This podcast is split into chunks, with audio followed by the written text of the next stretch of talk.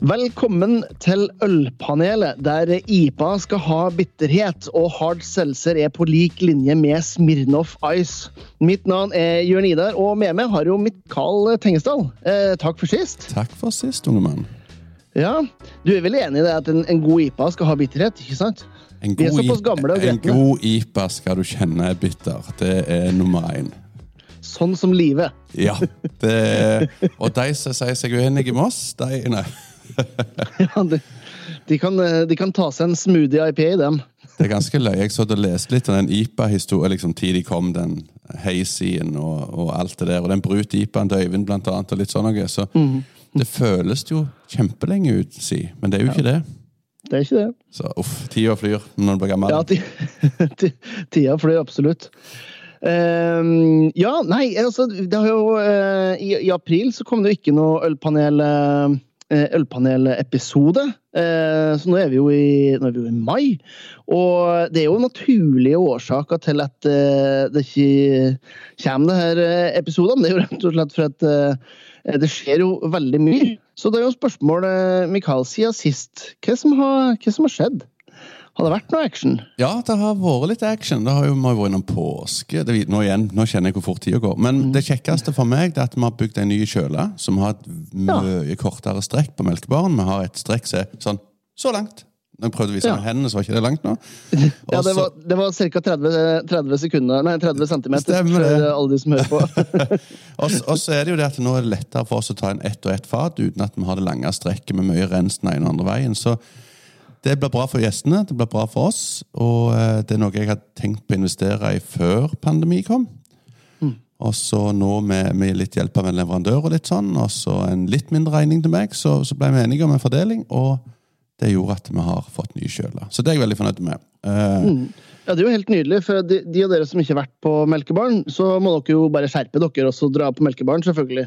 Men hvis dere ikke har vært det, så er det jo når du kommer inn, så er det jo en, eh, en svær vegg med en svær tavle med alle ølene på, og så er det eh, tappekraner på rekke og rad eh, i hovedbaren. Og før så har strekket vært eh, på en ja, sju-åtte meter ja, eh, inn, inn gjennom på baksida, mens nå er det da rett på andre sida av veggen. På andre sida av tavla. stemmer det. Rett i veggen. Helt, det er helt nydelig. Toppen av lykke. Ja. Så, så ellers så, så syns jeg mars begynte å bli bra, og jeg måler jo alt mot 2019 fortsatt. og Vi nærmer oss eh, steg for steg. Eh, nå i helga Vi har jo hatt ølfestival eh, siden vi snakket sist. Og den syns vi ble bra. Vi merker jo det store problemet i vår verden. Det er jo at folk planlegger ikke så mye lenger. De kjøper ikke billetter up front. De kommer når det skjer. Og nå i helga arrangerte vi et sentrumsløp. Det er mange løgne ting jeg roter meg opp i, men nå hadde vi sentrumsløp i helga. Og der endte vi opp til å være 90 mann, og vi hadde 30 mann fra Vegas. uke siden. Så alle kommer i siste lit nå, og det gjør at det er vanskeligere å planlegge.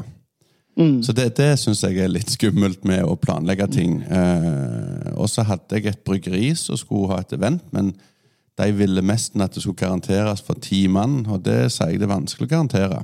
Eh, Det er ikke sånn Melkebaren er. Vi prøver å ha gratisevent, og de som møter opp, de møter opp. Så den planleggingsfasen, den har blitt tøffere. Så Ja. Ja, det, det akkurat det du sier der, er noe som hører rund baut, altså. Eh, og det gjelder, det gjelder både bedrifter og privatfolk, sånn som jeg forstår det. Så bedrifter kommer litt eh, Ja, jeg, jeg var en tur opp i Trondheim nå. Da var, det, var jeg på et eh, sted som sa bare Ja, det var noen som, som ringte eh, i dag, og da var det torsdag, om de kunne komme på tirsdag. Og de skulle være 60 mann til middag. så, så det virker som det er litt eh, men tror du det er fordi at folk har glemt å planlegge, eller er det fordi at man er litt mer usikker på om man kan planlegge? Jeg tror nok at eh, de har fått en litt sånn en vane Eller hva skal jeg si? De har fått litt en oppfattelse at vi snur oss rundt uansett.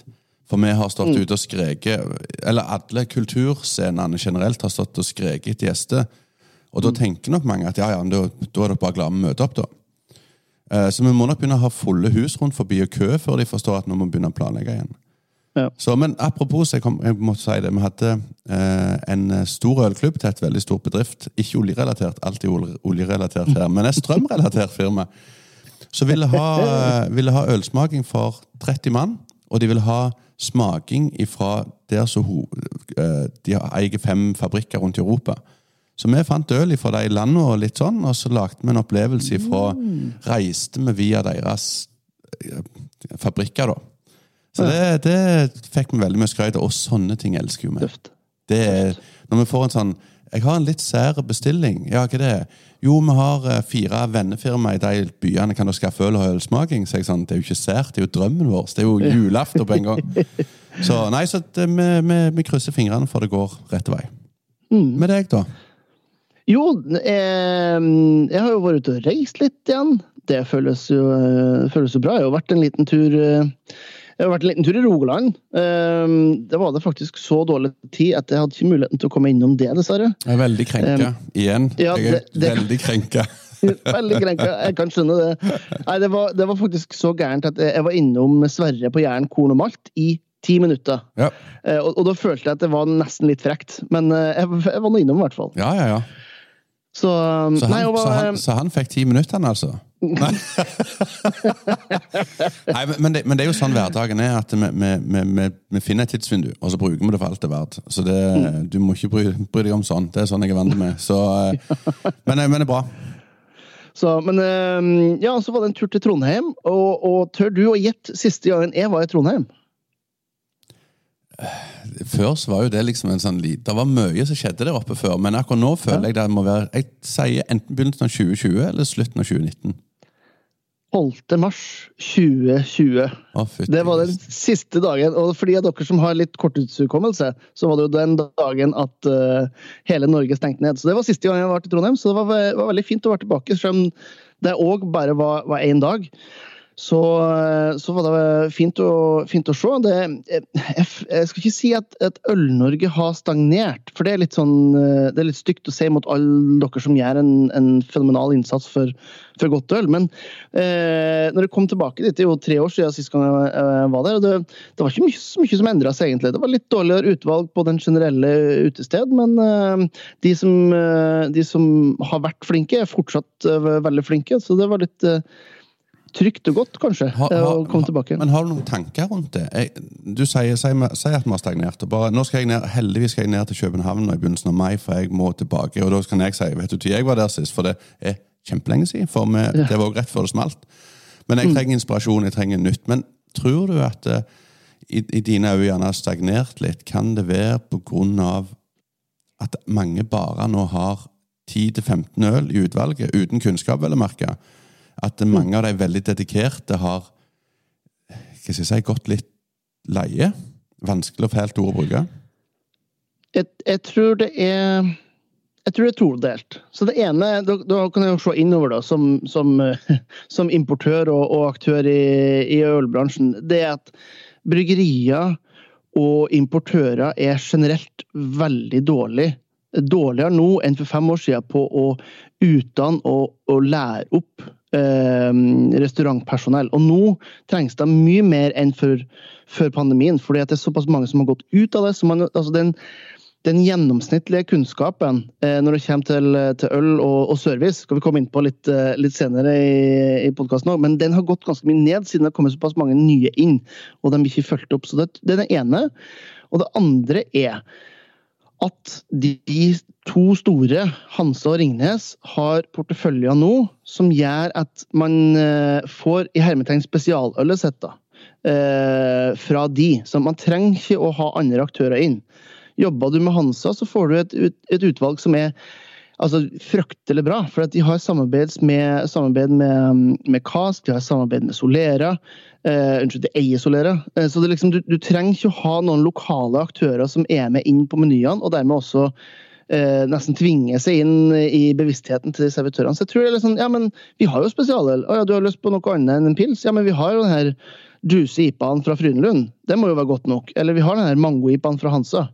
Eh, Det må jo være godt nok. Så det er liksom mm, det, Man begrenser antall eh, leverandører, og dermed så begrenser man også utvalget og progresjon. Som det man gjør, er at man, man har leverandører som er store, som er veldig på kontraktene nå, sånn at man eh, sørger for at eh, det er større lojalitet, og dermed også et, eh, dessverre et, et dårligere utvalg.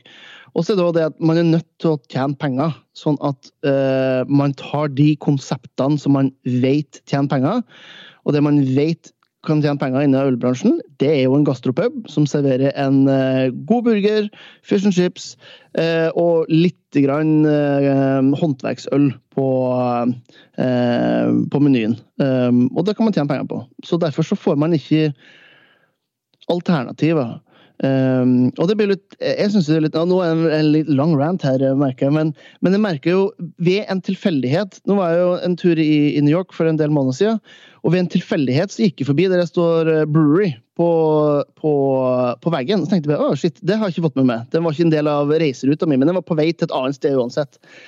Og så kommer jeg inn, og så er det en vegetarrestaurant. Serverer bare vegetarretter eh, i restaurantbiten, sammen med ølet som de brygga da, på andre sida av veggen, som er da puben deres. Og bare, eh, det, er kreativitet. Det funka jæklig godt. Tok et par bareretter sammen med ølene som de anbefalte. Var knallbra.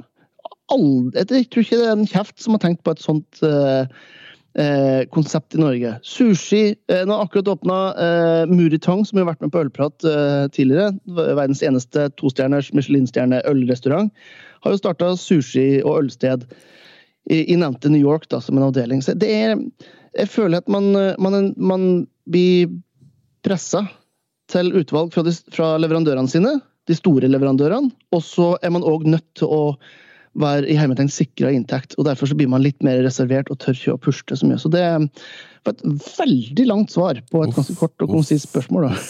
Uff, uff. Vet du hva som skremmer meg oppi den det lille svaret ditt. det, det, er rett og slett at uh, du har altfor rett. Jeg, jeg uh, har nok Jeg kjenner jeg ble litt sånn Faen. Unnskyld, det skal jeg si sånne ord, men jeg, jeg, kjenner litt på den at det er helt sant, det. Den Frydenlund har tatt kjempestor plass, uh, og lignende sjanser. Og det gjør vel kanskje at når Horeka-bransjen har vært livredd etter pandemi, for vi har ligget med en knokken arm og en knokken fot og litt til vi har vært livredde for hva framtida bringer. Mange sitter med et varelager som er ganske høyt innen spesialøl. Og så kommer de store og sier at ta dette, får du ikke solgt det, så har vi det i retur. Mm. Så det er tryggere vei å gå. Og de har vært veldig smarte med å komme inn på spesial- og craft-markedet med å gjøre de tingene. Så jeg har ikke tenkt sånn på det før, men jeg kjenner jeg fikk en jeg fikk en aha-opplevelse der. og, det, og det kan jeg være enig i. Helsike òg. Mm. Det, der er noe i det. Ja, men det, det tror jeg òg. Og det er liksom eh, Det er ikke noe tvil om at pengene rår mer nå enn de har gjort før pandemien. Eh, i, altså det, penger har alltid vært viktig, men man har hatt litt mer frihet. Og man kunne tatt seg litt mer frihet da, før pandemien. Og under pandemien så stengte jo alt ned, altså tjo hei. Og så i 2020 så ble det jo et helsikes press med med eh, strømpriser, og så kom det inflasjon. Og nå sitter vi da i uh, Vi tar opp det her i, i, i april 2023. Uh, og vi sitter liksom i et uh, usikkert marked der folk ikke booker bord, dukker opp. Det er vanskelig å, å, å, på en måte ha noe forutsigbarhet. Og da kan de store, for at de har såpass store pengesekker, har et såpass gjennomsyra, bra organisert system, at det er mye tryggere å da heller, ja, som du sier, da, si ja til at vi kan ta en, en juicy IPA fra Frydenlund.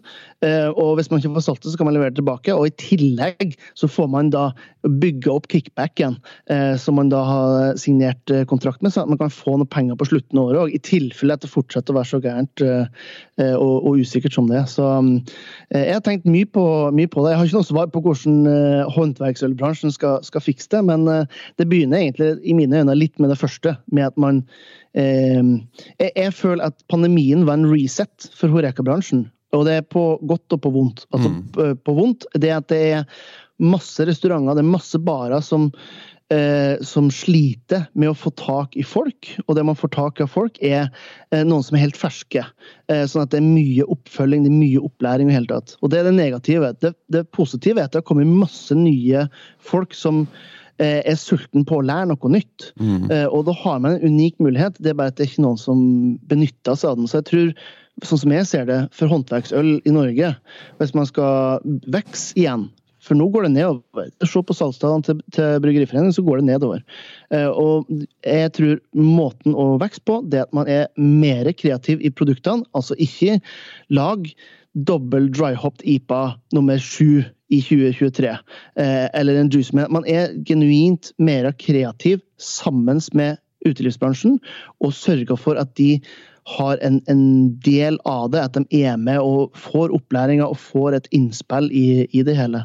Eh, det tror jeg liksom Det er sånn som jeg ser i hvert fall en, en nøkkel til, eh, til økning, fordi at alt, det, det, var en hard reset med korona, rett og slett. Ja, Når jeg sitter og leser de amerikanske ølplanene som jeg eh, holder på å abonnere og lese på, så føler jeg vi begynner mer å snakke om de rene stilene igjen. Vi begynner mm. mer å snakke om den rene stauten. Vi begynner å snakke om belgisk trippel. Går, det virker så iallfall USA nå er mer fokus på en West Coast-IPA. Det er ikke som du mm. sier, det er nummer 17 av, med en liten twist av det og det. og det, Derfor er jeg, veldig, mm. jeg er veldig spent på å se fram gjennom. Uh, for jeg tror nok jeg kan godt si i etterkant, når vi kommer gjennom stormen skikkelig, og si at dette trengte vi. Men, men, men vi, har, uh, vi, har, fått noen vekkere.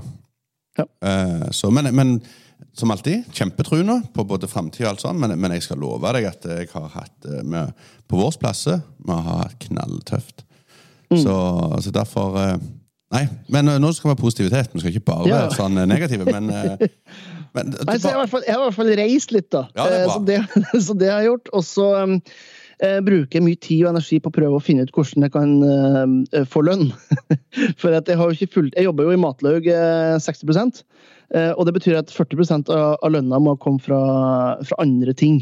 Um, og nå har jeg jobba mye med fagskolen i Viken på det studiet som heter produksjon av øl, mjød og sider, som er bestemt å sette på pause i 23-24. Eh, og det har vært en betydelig del av inntekta til Ølsirkus. da, det her eh, Eh, andre, eh, andre firmaet mitt. Så, så, det er mye, jeg har brukt mye tid og energi på å prøve å finne ut hvordan jeg kan sørge for at når skoleåret er ferdig, så har jeg fortsatt noe, og, noe inntekt. Da. Så det, um, jeg har et par ideer til deg, men det trenger jeg ikke røpe her på lufta, så det kan vi ta etterpå. uh, så, så, så, skal vi prøve å se klar for noe lønn til Jørn her. Altså, alle de, som, alle de som millioner av lyttere som vi har på det her, de, hvis alle tar og bestiller et, eh, et, eh, Sender en mail til Melkebaren og sier at de gjerne vil ha en ølsmaking med, med Norges mest profilerte øl- og matnerd, så, så, har jeg lønn. Så det har vært fint. Hvis alle det gjør det. Og hvis dere million lyttere kommer og kjøper ei øl hver, ching, ching, da smiler jeg til verden. ja, stemmer det.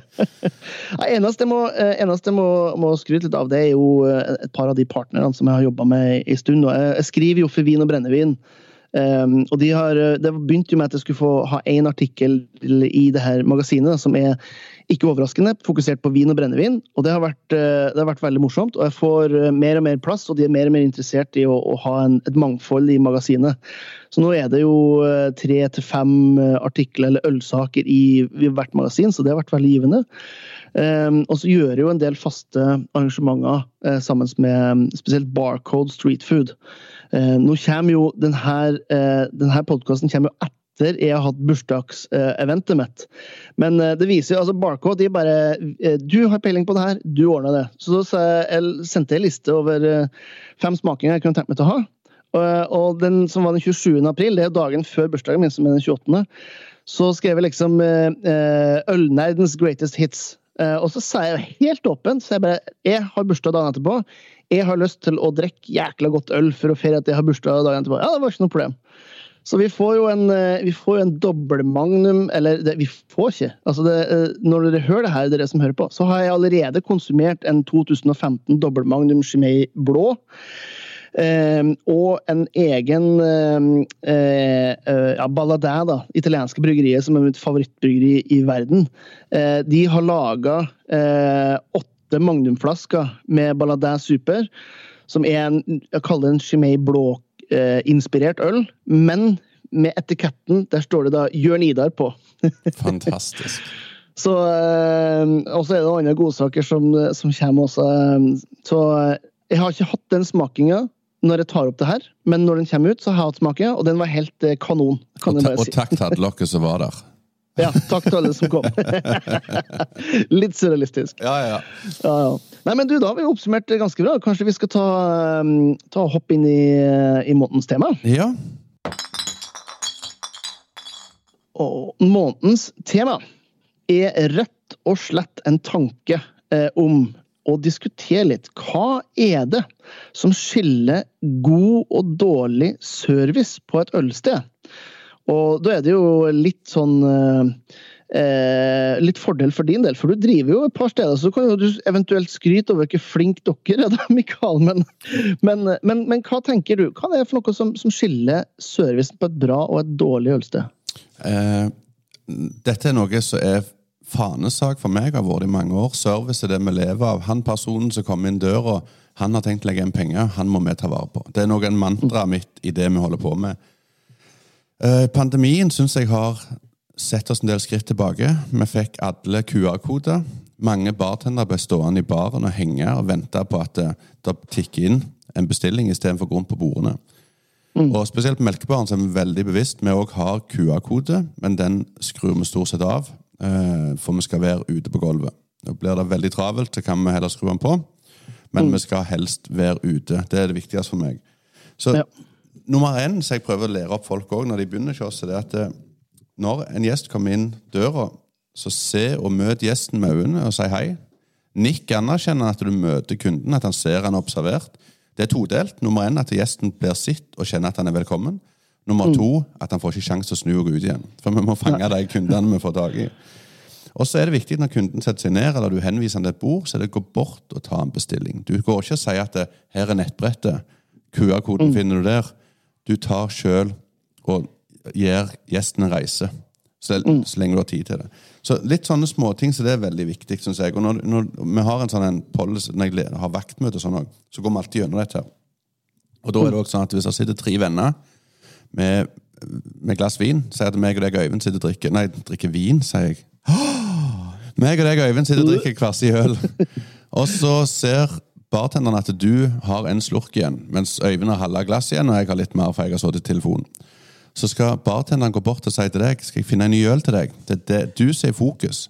For vi vil jo ha ujevn rytme på gjestene våre. Vi vil ikke ha sånn at alle skal ha ny runde til hele bordet. Og da har servicenivået oppe, og vi holder dere lenger. Og det der er viktig for meg, å ta vare på gjesten og ha fokus på gjesten. Mm. Hele tida. Og når gjesten går, så skal vi si takk for et fint hva heter det? Besøk? heter det fint? Ja, besøk. Der gikk noen vaskedamer forbi, så jeg mista litt fokus om de vinkte med armene. eller hva de gjorde. Så, så, så, så, er det der med at gjesten må bli sett hele tida. Og mm. mange ganger når jeg går på barer, inkludert der jeg selv er med eig i, så syns jeg vi står for mye i baren og henger. Og det er en ja. uting, og det er en ting jeg prøver å ta opp med, med mine kollegaer, at vi må se gjestene hele tida. Mm. Så det er litt sånn elementært grunnleggende for det jeg mener trengs for en bartender. Mm. Jeg er, ganske, er, ganske, enig. For min del så endra jo det med, med service endra seg jo når jeg flytta til USA. Uh, og der kan du si at der er det jo kanskje litt uh, over the top i forhold til uh, Altså bare om du om du, om du, går forbi noen, så spør de om 'how you doing'. Sant? Så Det er kanskje litt i meste laget. Men, men akkurat det med å se gjestene og være, og være tilgjengelig, det, det, ligger ganske høyt oppe på, på, på, lista mi. Men jeg tenker det begynner faktisk allerede ved innkjøpet. Hva god service eh, er for noe. For, for min del, når jeg kommer inn, og det her skjedde for litt over en måned siden jeg kom inn på et, et, et, bedre, et bedre, bedre, ølsted. Eh, ser på tavla, eh, og det var, det én mørk øl, og den var sur. Og så var det i hvert fall 15 forskjellige IPA-er. Eh, og så var det to pils. Og For min del så er det en dårlig service, for da tilbyr du bare én ting. Hadde, visst, altså hadde stedet hett um, IPA Bar uh, AS, så hadde det vært uh, fett nok. Men jeg hadde kommet dit for at jeg hadde lyst på litt variasjon. Um, og det, det, er for min del en del av den, den servicen. Um, og så er jeg ikke så storforlangende i forhold til kunnskap. altså Litt grunnleggende kunnskap er jo, er jo fint, selvfølgelig, men for min del så er det mest det her med nysgjerrighet og oppmerksomhet er det som kjennetegner et, eh, en bra service. Altså Man er nysgjerrig på hva har du som kunde lyst på. Eh, hvordan kan jeg som serviceperson hjelpe det med å ha en god opplevelse? Eh, og så ikke bare ja, Du kommer inn døra på, på puben min, og så, og så spør jeg det, Mikael ja, hva du, hva du har lyst på? Så sier du nei, jeg har lyst på en brown ale. Og så neste gang så spør akkurat samme spørsmål, men kanskje husker da Hvis du får til altså, at man, man, er oppmerksom og får med seg det som blir sagt. og så bare, du, du hadde jo en brownhill, nå. Er du, er du, på vei oppover i styrke og intensitet, eller nedover? Eh, lyst, eh, lett eller mørkt og tungt? Hvor er vi på vei hen? Eh, men det, man husker litt. Det, mm, det er en, en eh, nøkkel, syns jeg, i hvert fall, til en, en, en god service. da. Og det som er veldig viktig dere, er å ikke lyge på kunnskap du ikke har. Ikke stå der som en bartender og fortelle om noe du ikke kan for du har lyst til å være kul. Det er regel nummer òg, eller ikke en regel nummer én, men en veldig viktig regel. Jeg sier jo det til vår bartender. Hvis du skal være en kul bartender, så går du på en annen pub og jobber. Her handler det om kunnskap, og hvis du ikke kan kunnskapen, så har du både meg og du har barsjef og andre som er utdanna. Så send melding og spør at du, jeg lurer på dette her. Eller google det hvis du må. Men aldri stå og lyg til gjesten. Og vi hadde nettopp en opplevelse. Vi fikk en firer på TripAdvisor. Og da skrev gjesten at vi fikk ikke femmer pga. vi ikke hadde brown ale. Ja. Jeg går rett inn i kassen og ser at vi har Nøgne brown ale og Nøgne Imperial brown ale. For de har vi alltid tilgjengelig. Men problemet er at vi leverandør, eller vi fikk ikke tak i, så vi hukte den ut av menyen. Og hadde glemt å huke den inn igjen. Og det er jo en tabbe fra vår side. Det er vår jobb å gjøre det. Så der bommer jo vi på servicenivået. Men det jeg hadde likt, da, det var at gjesten hadde spurt bartenderen du har dere brown ale. Jeg ser ikke menyen, så jeg sier ja, det har vi. Så, men, men igjen, det er vår feil. Den ligger ikke oss. Men, men jeg er enig i at vi må, vi må være på ballen. Alt fra innkjøp til menyer til alt må være à jour hele tida. Og vi må formidle en, eh, en opplevelse. ja. Jeg er helt enig. Så Men har Nei, du, jeg. Men, men, men har, har du noen sånn bare eh, Så du har vært i, gjerne ut av landet, da? Så du kjenner at du har vært sånn ho-ho-ho, for en reise jeg fikk. mm, eh, jeg må innrømme jeg er så sjukt dårlig på navn. det er det jeg. Men eh, altså, en av de tingene som, eh, som jeg virkelig sitter igjen med en, med en opplevelse, var, var et, eh, et sted i Tokyo som heter Hopp Duvel. Det er egentlig sånn jakketorg-restaurant. Det er plass til jeg vet ikke, 18-22 stykker. Og jakketår er jo, er jo en japansk grillmåte der det er en slags sånn ble- avlang blomsterpott, da. bare at man griller i den. Eh, og så alt på spyd. Eh, og det, to, det var kun to stykker som jobba der. Eh, bra, ikke et stort, men et, et bra eh, utvalg på um, et bra utvalg på, uh, på øl. Eh, også da masse sånne småspyd med forskjellige mat. da. Og så setter du langs baren. Og det jeg huska der, sånn, det var at han, den servitøren som var der, alltid fikk med seg hvor jeg var hen i, i løypa. Eh, Så han huska alltid ah, ja, ok, du har hatt eh, kyllinglever nå. Eh, vil du ha mer, så ville jeg anbefalt at du tar den her. Eller du kan ta en pause, du kan få en liten sake og, og, og avkjøre det med. Han huska liksom ah, nei, du kan ikke ha den eh, du kan ikke ha den der, for den er for humla i forhold til den du hadde i stad. Så vil jeg heller ha nøytralisert og så venta litt, kanskje tatt litt vann. og så Han var alltid på. Eh, og visste hvor jeg var hen. Det, er jo det det handler om, tenker jeg, i, i livet. Det handler om det her med å bli sett. Eh, fordi de verste opplevelsene, det er jo de gangene at man kommer inn et sted, og så får du slengt en, eh, en pils i, i hånda. Og det er det eneste interaksjonen du har med, et, med, med personalet. Um, så jeg, jeg husker, den, uh, husker den opplevelsen uh, veldig godt. Den fra, fra Hopp Duvel, da, som sagt, i, i Tokyo. Det er jo, nå er det ni år siden. Jeg fikk faktisk, uh, jeg fikk faktisk en sånn her Facebook-minne i dag. Fra første dagen i Tokyo da for ni år siden. Så, Fantastisk. Men det der så enn du? Men jeg skal ta den. Det er København, må ikke glemme det. Men jeg Mm. bare skal si en sånn ting. Det vel, vi har en sånn policy på Melkbaren at ansatte når de er ute, så får de ikke sitte i baren. Og du skal ikke ha kjæresten eller sånn sitte i baren. For når gjesten kommer inn, så skal ikke du stå på enden av baren og snakke med familiemedlemmer. liggende. Jeg sier alltid det. Går dere på Kiwi noen gang og setter dere dere i kassen der og snakker med den som blir opp? jobb? Dere gjør ikke det. Det gjør dere heller ikke i en bar. Uh, igjen en avsporing, som vanlig. Eh, men lord Nelson er vel der jeg kjenner Jeg hadde ingen forventninger til plassen. Jeg hadde hørt at det var nede ei trapp og litt sånne ting. nede i København. Så gikk jeg ned. Plassen er jo eh, ja, For en fin frue på byen så hadde du sagt det var ikke en fin plass å være. Men for meg så er det mer en plass med sjel. Eh, menyen var et eh, A5-ark som var printa ut den dagen. Litt eh, bløtt og litt sånn, men det gikk helt greit. Men han som sto bak disken den gangen jeg var der første gang, det også må være mange mange år siden, han gitt meg en reise og en opplevelse. Og da var det vel en Hva heter det der bryggeriet? Det var, det var vel Gjøkebryggeri? Ugly Duck, hva det heter? Jeg husker ikke helt. Det var iallfall et dansk et. Eh, og han sa du må teste det har prøvd noe nytt. og noe sånn greie. Og da tok jeg en reise og fikk testa Det var vel mesten før to øl hadde kommet til verden. Ja. Så da var jeg og fikk testa en del av det små danske, og, og var utrolig kul. Så jeg sier når folk går på strøket, sier dere må spore av. Gå ned på Lord Nelson, vær åpen. Dere møter en del fat, står både nesten inn på toalettet, inn i hele lokalet, for det er sikkert så lite og at de har ikke lagringsplass. Nei. Så når jeg reiser til København, så må jeg på Lord Nelson. Det er bare et must. Og, teater, eller, og Jernbanekafeen, men det har ingenting med øl å gjøre. Det er bare en opplevelse. Det er helt uh, enig. Jeg tipset faktisk noen om, uh, om Jernbanekafeen i forgårs. Ja, det er et must.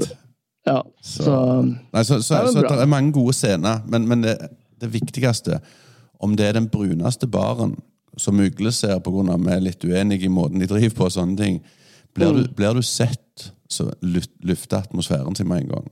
Ja. Og, det er, helt, og, eh, er, og er det en ting jeg har lært av puber, du kan bruke ti millioner på en bar, og du kan bruke en million på en bar. Det betyr ikke at Mm. folk går på den på ti, fordi du får ikke atmosfære bare for du bygger en fin bar. Nei. Den får du med innholdet og folka. Helt klart. Helt enig. Ja, den er bra. Eh, I forbindelse med det her så, så eh, kom det jo med et lite innspill fra meg. Kanskje eh, når man snakker om service, men òg eh, altså generelt i den reisen som man har gått gjennom. Nå nevner vi jo ting som, eh, som skjedde i, i, i gamle dager, Ja. du se, men, Gode gamle dager, ja. men, men, eh, men en av de tingene som du nevnte, var eh, hvilken inspirasjonskilde er det? Som, som ligger bak den eh, man, man har vært på. ja. Og Vi har jo vært på litt, jeg og du har jo vært på litt forskjellig. Jeg har jobba mye med, med kjøp og salg og, og formidling. Eh, Og du har jobba med, med egentlig det samme, da, men mot sluttbruker. sluttbruker. Eh, altså mot konsument. Så det er litt interessant. Hvor, hvor, hvilken inspirasjonskilde har, har du hatt gjennom denne eh, reisen din? Ja, skal vi høre. Nei da. Eh, jeg begynte jo med min første baren jeg var med i, var i 1999. Men da var det sånn typisk hvor mye klam feste, trubadur, og det var bongas. Omsetter Omsette mye penger, hadde det veldig gøy, men jeg ble fort leie. Jeg hata full. Og så eh, hoppet jeg av bransjen, og så var det en som het Olav Helgesen, som dessverre er død nå. Han var mentoren min i bransjen, men han kunne ikke brydd seg mindre om øl. Det, han drakk eh, De La Pierre, eller De, Døla-Per, som han kalte det. Var en fantastisk mann. Kunnskapsrik, men han er liksom, var den mentoren min. Men da starta Melkebaren. Første året var vi en helt vanlig bar. Og så så meg og mor til ungene mine så også vi og eier eh, Melkebaren. Så nå heter òg min ekskone på fint. Hun Vi var nede i Ebeltoft. Og da var vi på en, en eh, restaurant der, og da hadde vi Ebeltoft-IPA. Og da sa jeg, For da sleit vi med melkebaren, var rett før vi gikk konk. Så sa jeg nå har jeg funnet veien. For jeg likte øl, men jeg torde ikke ta steget. Da hadde vi kun Kardinal, og så hadde vi Patricks. Og, og da sa jeg nå har jeg funnet hvor vi skal hen. Vi skal satse på øl. Og så var jeg tilfeldig på et sånn kassaapparatseminar med Tom på Kardinal. Så tenkte jeg jeg tar en sjanse. Så jeg gikk bort til Tom og så sier jeg, Tom, eh, om jeg kan få en kaffe med deg Jeg har lyst til å starte ølbar i Sandnes. Jeg skal ikke konkurrere med deg. Det er ikke målet mitt. Jeg har bare lyst til å bli en sidekick til Kardinal, for å si det sånn. Og Tom kunne sagt 'fuck you', jeg kommer ikke til å hjelpe deg med noen ting. Men Tom sa 'kom inn på en kopp kaffe'. Etter det hadde meg og han mye kaffe. ja. Jeg kom med 100 spørsmål. Han svarte. Og, og Tom hjalp meg vanvittig. En stor inspirasjonskilde. Han åpna øynene mine mye mot prising av craft, eller craft beer. Spesialøl, håndverksøl. Og han hjalp meg med import. Første gangen vi importerte fra Danmark, så fikk jeg filene fra Tom. Så det var copy-paste for meg. Utrolig behjelpelige. Så, så Tom og, og barsjefen med Kardinal har vært en inspirasjon for meg. Men mye utlandet. Ja. Jeg har reist mye til New York. Jeg har reist mye til New York grunn jeg mener USA er i Norge om fem til ti år. Og så mener jeg København er i Norge til om tre år. Ja. Så det har liksom vært min inspirasjonskilde hele tida. Og så har jeg vært veldig heldig på at jeg har fått åpna noen dører og blitt kjent med litt folk, spesielt i København, så jeg har hooka opp når jeg har vært der nede Så, Så, så, så derfor skal jeg ned til København igjen nå om et par uker. For, for jeg trenger å få tilbake den inspirasjonen.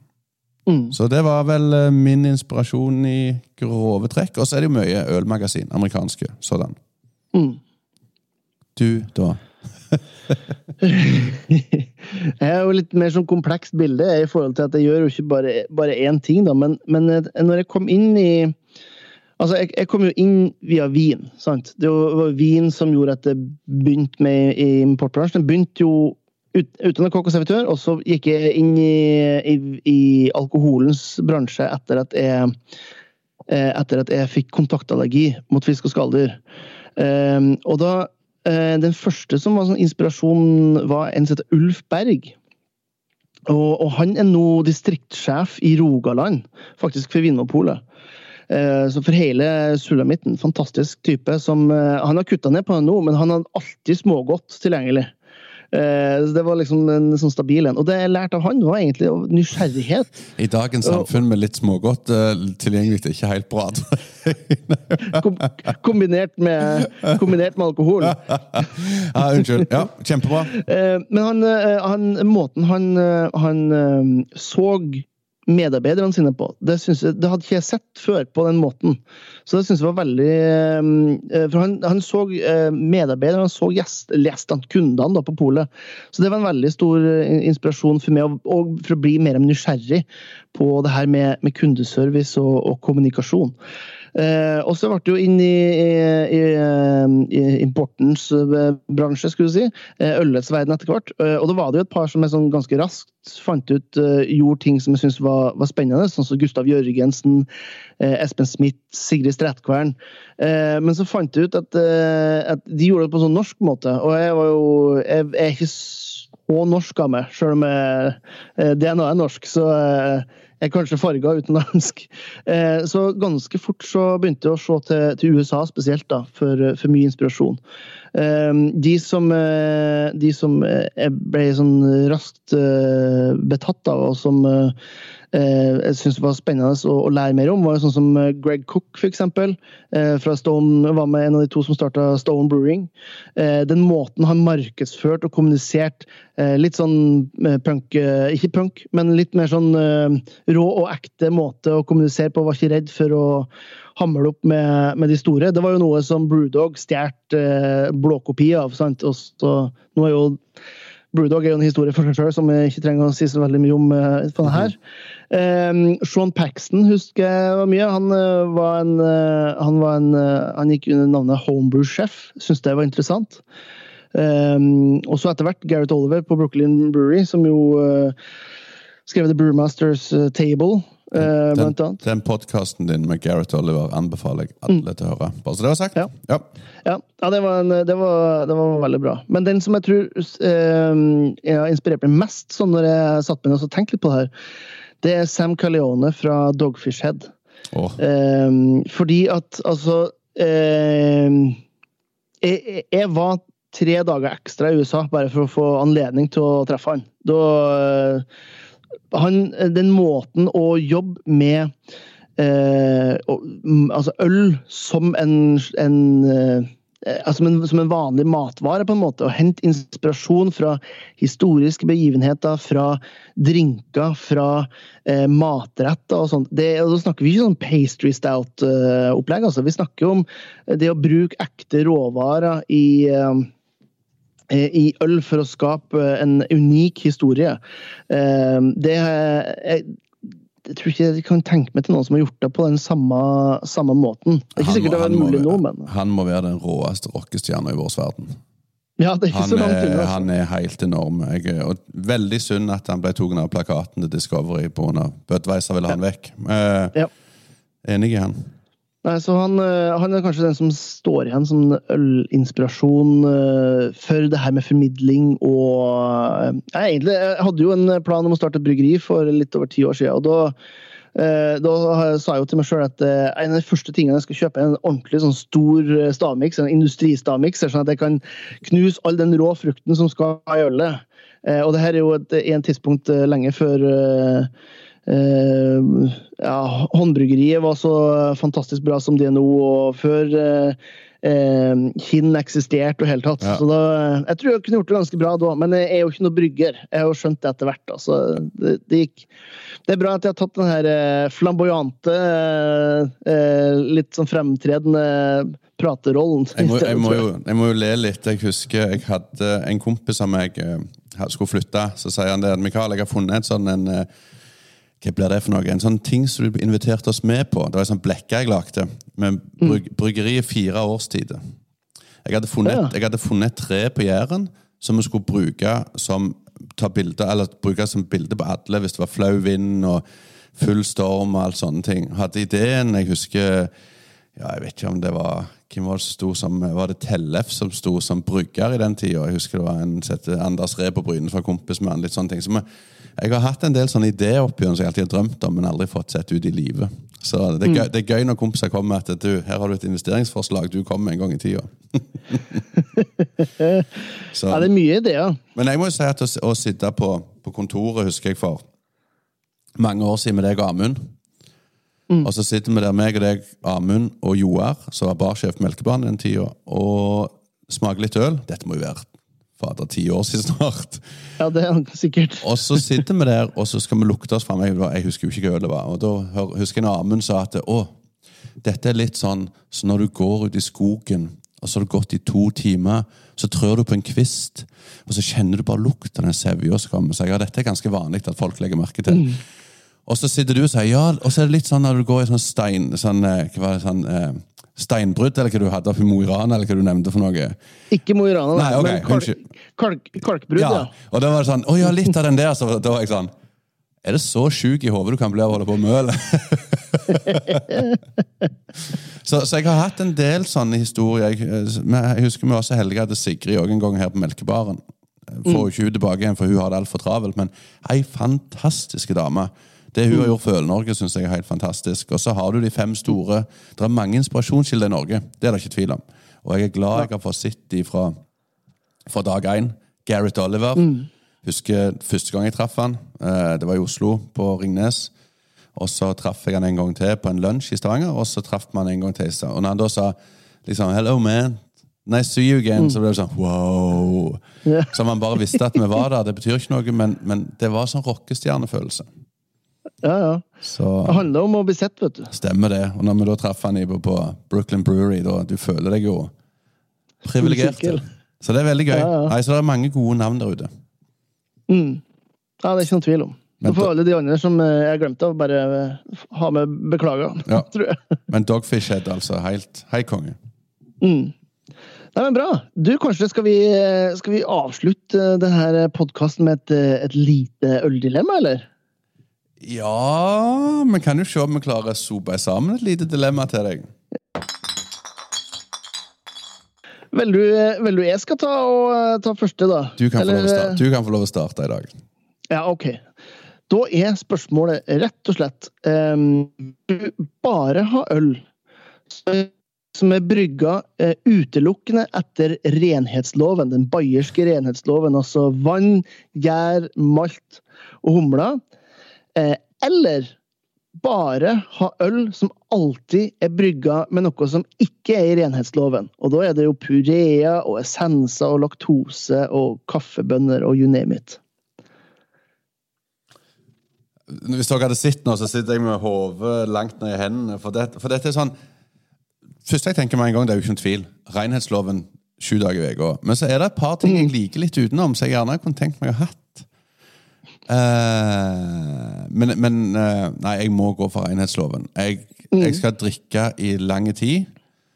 Og jeg vil ha det Jeg liker gode, rene produkter. Jeg trenger ikke laktose herifra til månen, altså. Det, da, da er jeg redd jeg blir lei av øl. Dessverre. Så ikke, så ikke noe mer krig eh, for din del, altså? Nei, for det, for det er jo det. Du må bytte ut noe. Det er det som er så forbanna drit. At uh, hvis, jeg, hvis jeg vil da ha noe rent noe, så får jeg jo ikke det.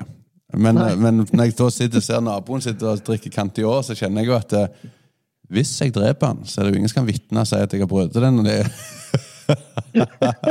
Nei, jeg må, jeg, må, jeg må nok følge renhetsloven. Du, da? Ja. Nei, jeg, også, jeg, jeg har jo skrevet det her, så jeg har tenkt litt, eh, litt på det. Men øl som er brygga bare etter renhetsloven, gjør jo at Altså 85% av all øl som blir konsumert i Norge, forsvinner. Fordi at det inkluderer jo også enzymer og denne typen ting som de store bryggeriene bruker for å få effektivitet og hindre diacetyl og, og den typen ting. Eh, ja, Nei, nå ble jeg jo lurt ut i noe her, kjenner jeg. For, For nå, nå ser jeg jo at Lølos forsvinner for meg, så jeg ikke får drikke. Du, du ender jo på nesten ikke noen øl, du. Nei, faen. Men, men, så jeg tror faktisk jeg hadde gått, jeg hadde gått for, eh, for øl som er brygga bare etter, eh, etter renhetsloven. Eh, Min største utfordring med det er jo det at jeg er jo Jeg elsker jo belgisk øl. Altså, Det er jo det beste i verden. Eh, og jeg tror òg veldig mange av de ølene som det står at det står ikke noen ekstra tilsetninger, de har nesten garantert en eller annen form for krydder eller urt eller sånt i seg, for det er liksom, det er belgisk. Uh, og de her familiebryggeriene som jeg er så glad i, de sier jo ikke ifra om Nei. at de har eh, kanel eller eh, Candysukker og litt ja, så det er, mye, det er mye som kommer til å forsvinne der. Så, Litt- men det, det har i hvert fall brown ale min om Det er litt kjipt når jeg har gått for det valget, og så plutselig reiser jeg på en tur til Belgia. Da sitter jeg der og drikker industripils. Stemmer det.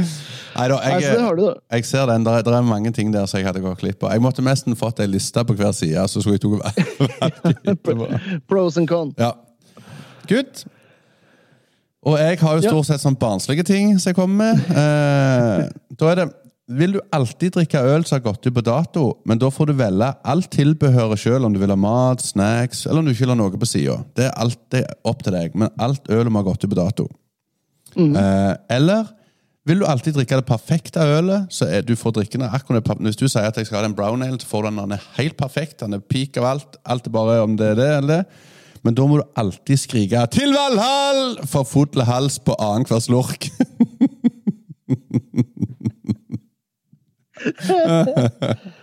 Eh, Var det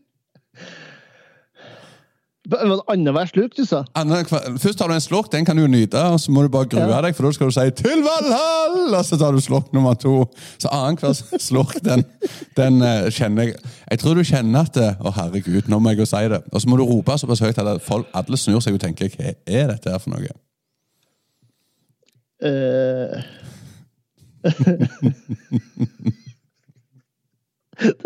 det, er så teit. Ja, det er kjempeteit! Det er nydelig. Um, nei, vet du hva? Jeg, jeg, jeg tror faktisk jeg hadde ehm, Jeg tror jeg hadde gått for å må rope eh, til Valhall, altså. Jeg, jeg bare ser for meg på, på etter, altså jeg, jeg tenker liksom kommersielt i, i sånne ting også. Jeg, jeg kunne jo sikkert ha markedsført meg som han fyren eh, som alltid må rope til Valhall.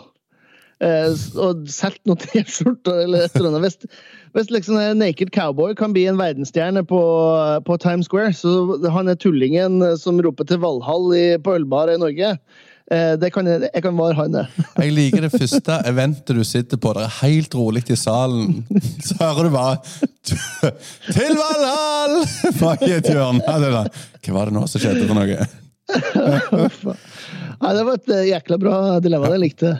Enn en du? Jeg, jeg vet ikke. Jeg hadde jo Enten så må jeg bånske hver øl på første slurk, sånn alle blir en slurk nummer to. Det tenkte jeg ikke på som en mulighet heller. det. Men da er jeg redd det går gale. Nei, jeg Ja. Jeg eh, Jeg tror nok jeg måtte skreke, men jeg hadde, jeg hadde nok Jeg hadde nok slitt det første året, jeg hadde nok, jeg hadde nok holdt meg på melkebaren ganske lenge. Jeg håper det dilemmaet kommer en psykolog. Noe sånt, jeg tror det trengs.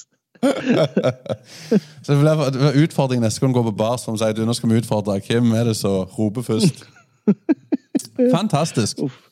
Ja, Veldig bra. Nei, men du, Da, da nærmer vi slutten, eh, slutten her. Sånn, har dere noe eh, altså, eh, jeg vet Du er jo litt sånn skeptisk til det med, med selvpromotering. Men jeg tenker altså, eh, folket har jo eh, villig lasta ned og, og hørt på denne episoden så langt som nå. Så da lurer jeg på, Har du noe spennende eh, arrangementer eller ting som, som skjer i tida framover?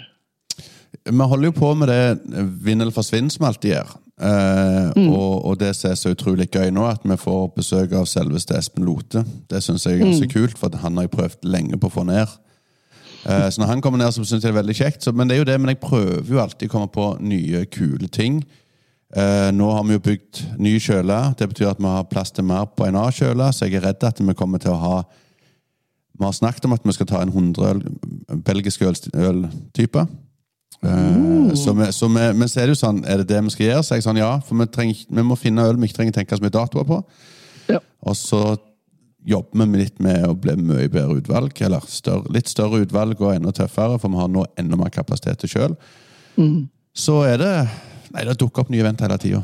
Så hva med deg utenom den eh, bursdagseventet ditt?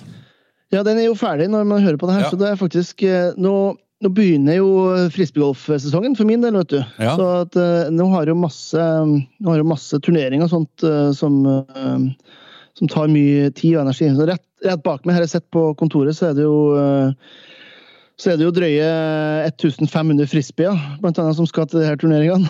Fantastisk. Så, så det tar mye energi. Så det, så det første neste arrangementet nå i mai er jo faktisk eh, den 25. mai. Det er på Barcode Street Food, det også. Og da pairer vi opp med um, spicy street food og, og, og øl. Eh, Så det blir litt spennende å se hva vi greier å, å koke i hop sammen med, med kokkene på et par av stedene der. Jeg må snart komme meg til Oslo, kjenner jeg.